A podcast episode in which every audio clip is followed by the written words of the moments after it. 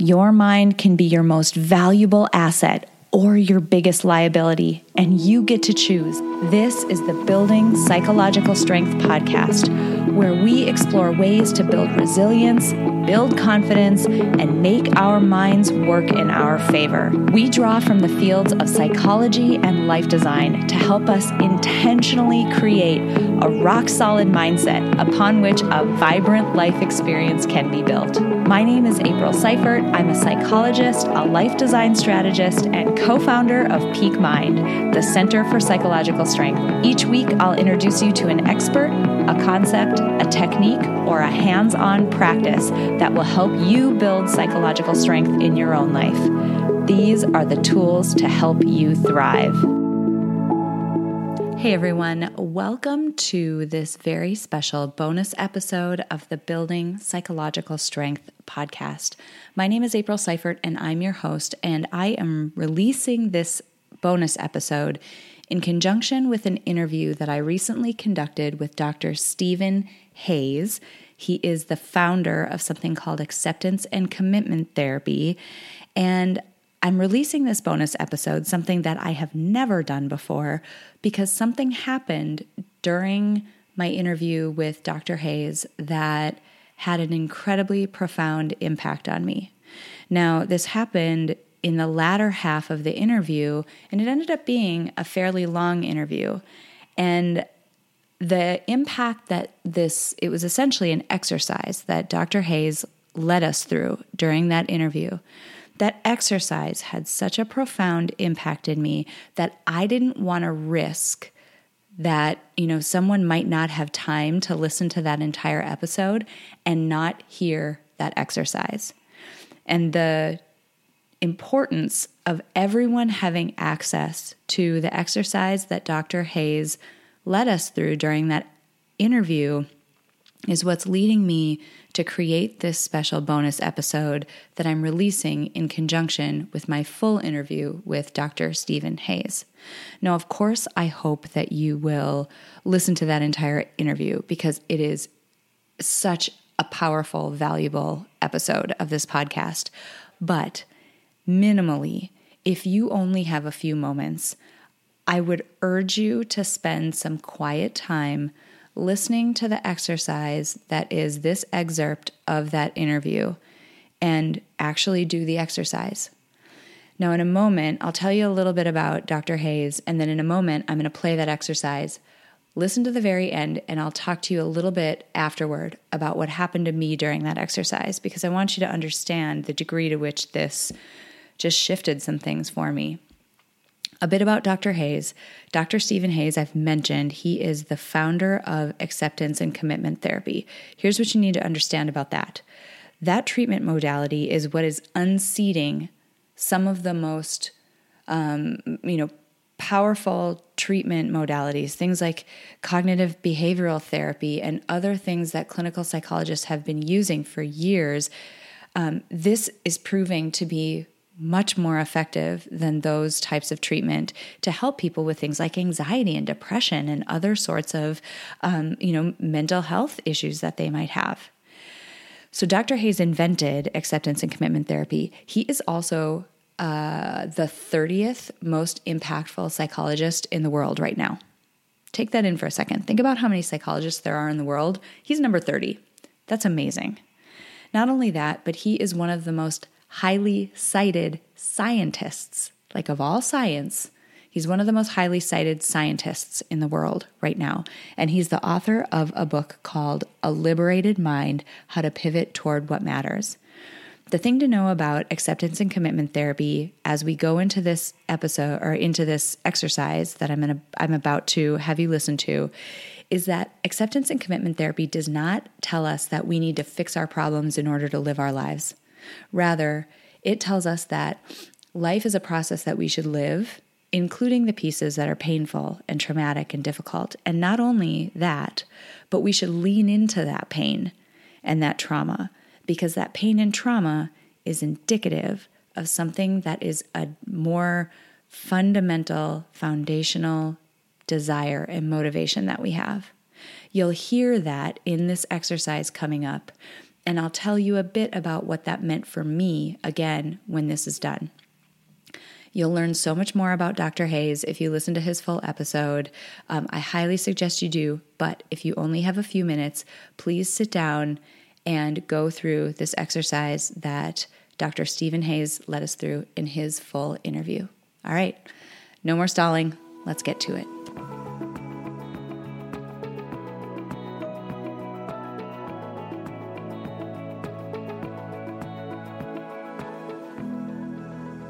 Think of something that really brings you down, that's painful, like the, a kind of thing that shows up in your mind that in the middle of the night wakes you up and it's just old and hard and sticky and filled with pain and struggle. And just think of something like that.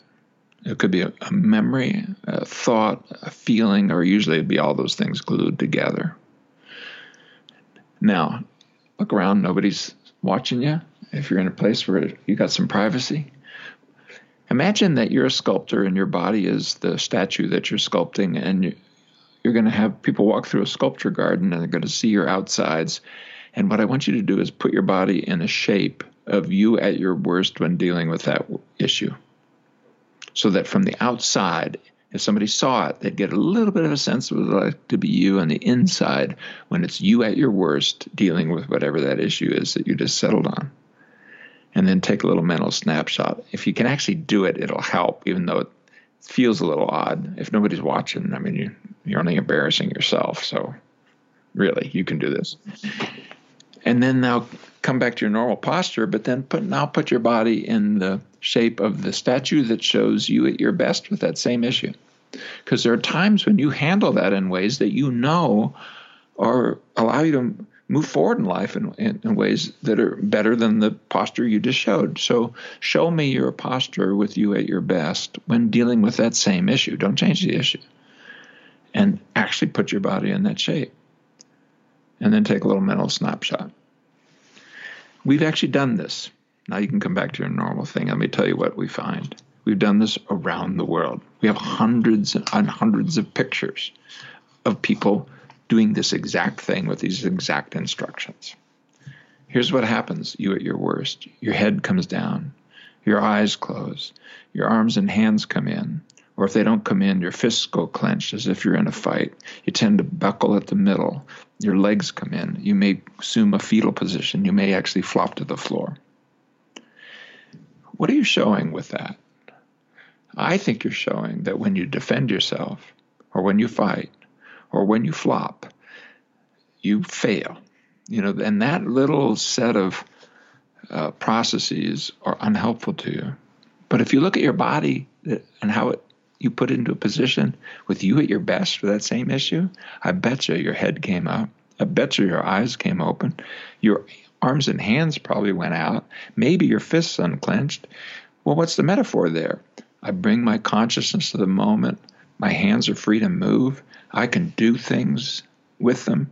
If you were in a, you might even I we have pictures of people standing up with their legs a, apart, you know, like like almost like this powerful like superhero kind of. Well, here, here's what is in a liberated mind. If you are able to open up to your own chatter and pain and bodily sensations, etc. In other words, to treat your insides in a way where your head still gets to be held high and your eyes open, metaphorically, that you can actually see it and be with it in a way that's open.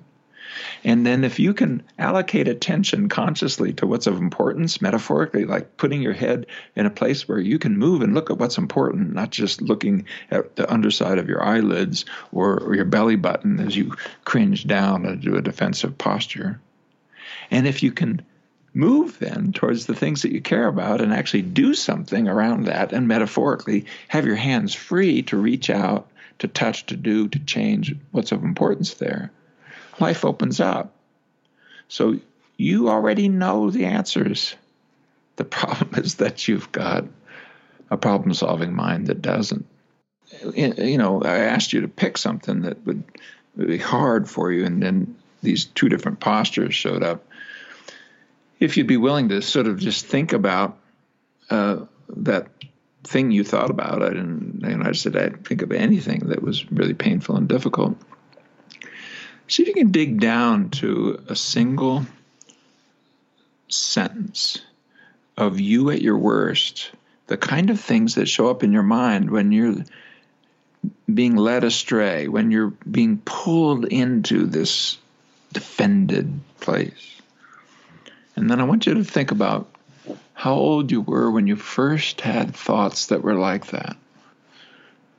I bet you they include something about your self adequacy or whether or not you're lovable or what kind of person you are or whether the world's safe or but something. Take it as young as you can. And then take this thing you struggle with, put it in, that we've put into a sentence, you know, like I'm a, a person who, you know, the kind of wagging finger that your mind tends to give you about yourself. Picture yourself at that age as to how young you could go. Get as young as you can put that person mentally in front of you. That person called you as a younger age. And then say that sentence, uh, but in the voice of the child. Have that child say to you that sentence, that self critical sentence, like, I'm unlovable. But actually, if you if you're in a room where you can get away with it, say it in a child's voice. Or uh, I'm not good enough or deep down there's something wrong with me, or I don't know what it is. But take the time to actually picture the kid saying that. What would you do if you're actually in that in that situation? If a kid at that age were talking that way to you, talking the way you talk to yourself when it's just between your ears, what would you actually do if you were my guess is you're not going to slap the kid. You're probably going to do something compassionate. Yeah. My question to you is when did you hit the age where you no longer deserved what you would give to yourself, even as a child? You're probably going to listen. You're probably going to hug the kid. You could could you do that to the person in the mirror? Could you treat yourself with the same kind of kindness and compassion that you'd treat a young, a young person who is saying the same thing? And you notice how much harder that is. You get to that you get in front of the person in the mirror and man the wagging finger of blame and shame and criticism and inadequacy just boom shows up as if you can be whipped into health or something or whipped in you know browbeaten into strength. That's not what happens. So that's a kind of little mental example. Um, you know there's a flip side to this too. I, let me ask you this if you take that sentence, whatever it is, whatever you came up with, imagine that you wrote it on a piece of paper. And what the mind tells you to do is that your life is going to go well when you get rid of what's on that sheet of paper. But, you know, the nervous system doesn't have a delete button or an erase button. So if it's written, I mean, just as an example, will you ever in your life, as long as your brain is still intact, not be able to remember yourself as a young person with thoughts like that? No. So you're going to carry it to your grave, right? Short of brain injury, you're carrying it to your grave. Okay, so we've written down on a sheet of paper here. Our mind's telling us we can only live when we get rid of it and erase it, but there's no eraser. Here's what I want you to notice this mental thing that tells you to erase it, burn it, tear it up, throw it away has a cost. Flip over the paper mentally, and right on that side what it's what the now invisible sentence suggests you deeply care about, want, or yearn for, what you value. Okay, now here's the deal. I'll give you a devil's bargain. You can throw away that piece of paper, but you're going to throw away both sides. You can do it you know, I don't mean that many people want to do that. They want the bargain of a one sided sheet of paper where you get to throw away the pain, but you won't throw away what's on the other side, which is the purpose and the yearning, you know, that you wanted something. All right, guys, there you have it. That exercise that Dr. Hayes just led us all through was so profound for me when I was doing this interview.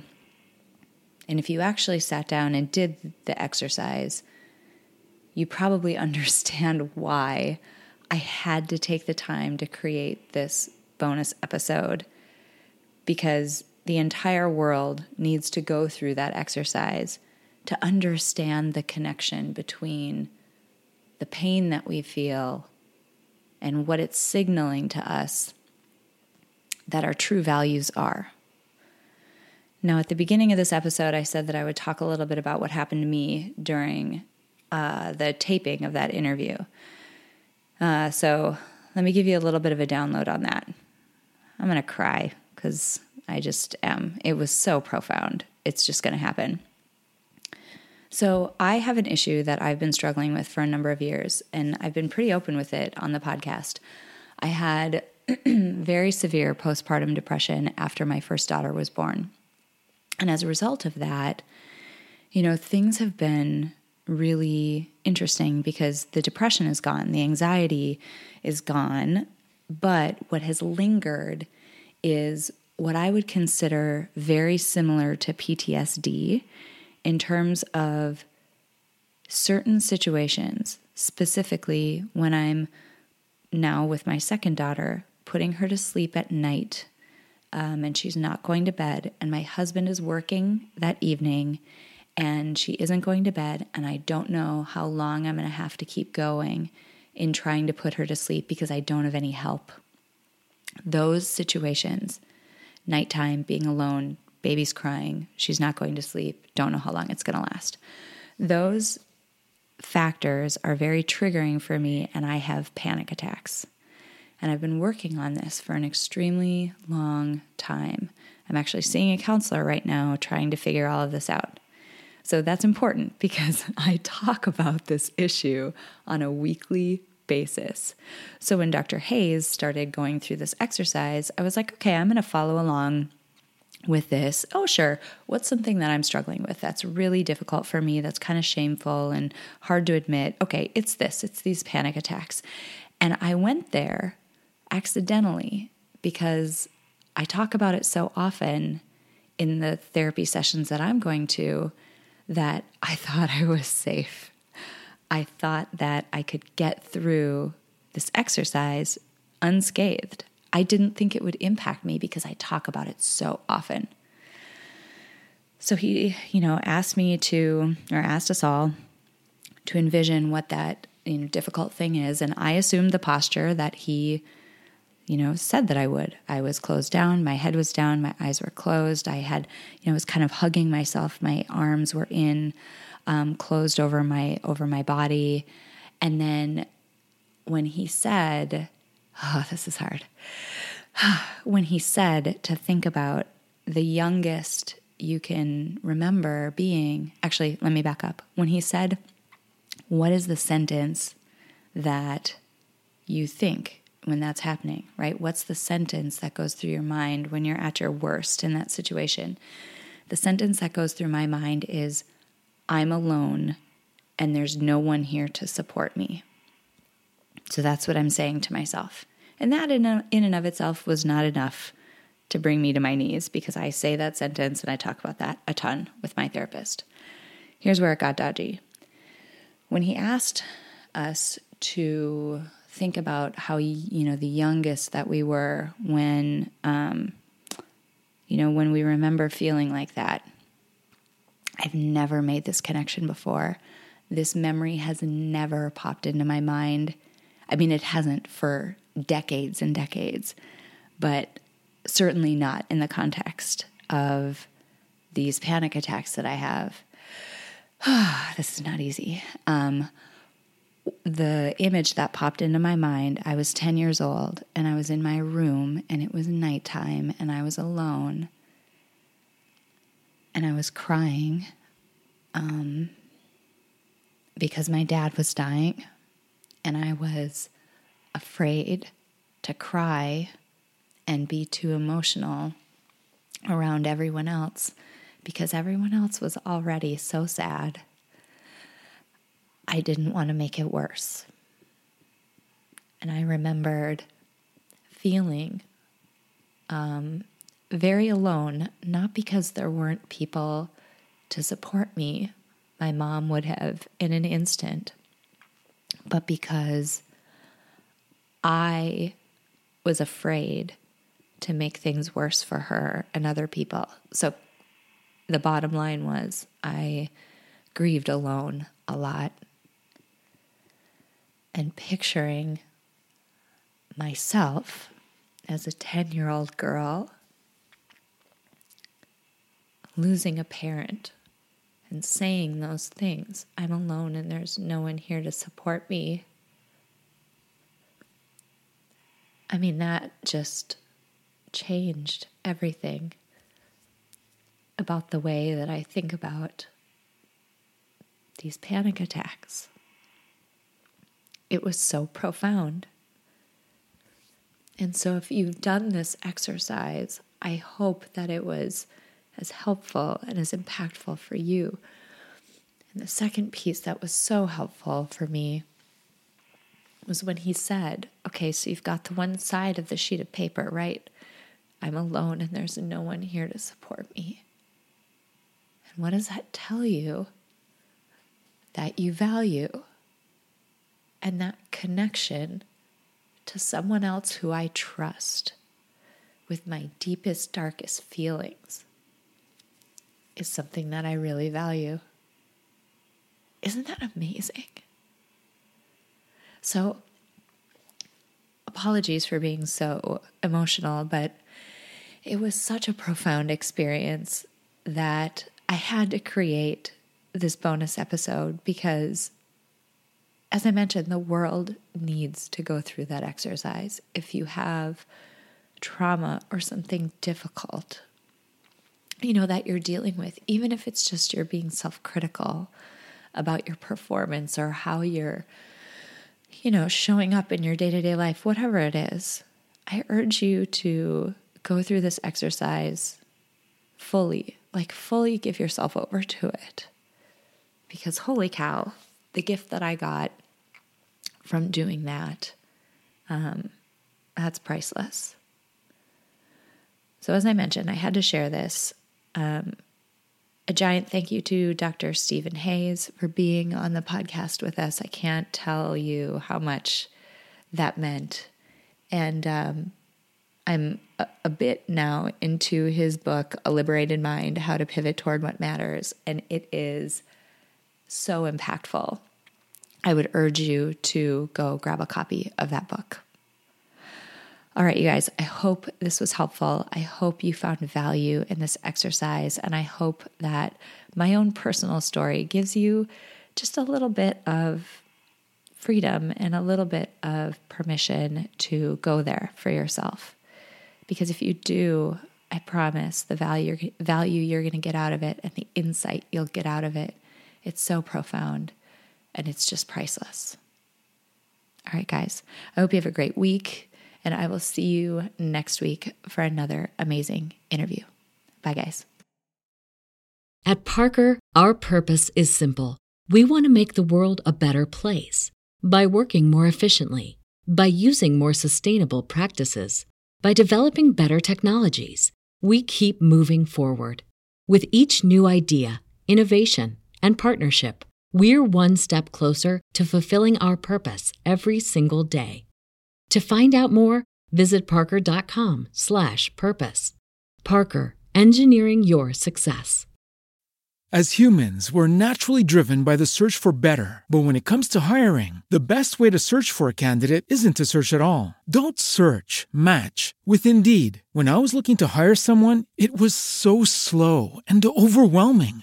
I wish I had used Indeed. If you need to hire, you need Indeed. Indeed is your matching and hiring platform with over 350 million global monthly visitors, according to Indeed data, and a matching engine that helps you find quality candidates fast. Ditch the busy work. Use Indeed for scheduling, screening, and messaging so you can connect with candidates faster. And Indeed doesn't just help you hire faster. 93% of employers agree Indeed delivers the highest quality matches compared to other job sites according to a recent Indeed survey. And listeners of this show will get a $75 sponsored job credit to get your jobs more visibility at Indeed.com slash podcast. That's Indeed.com slash podcast. Terms and conditions apply.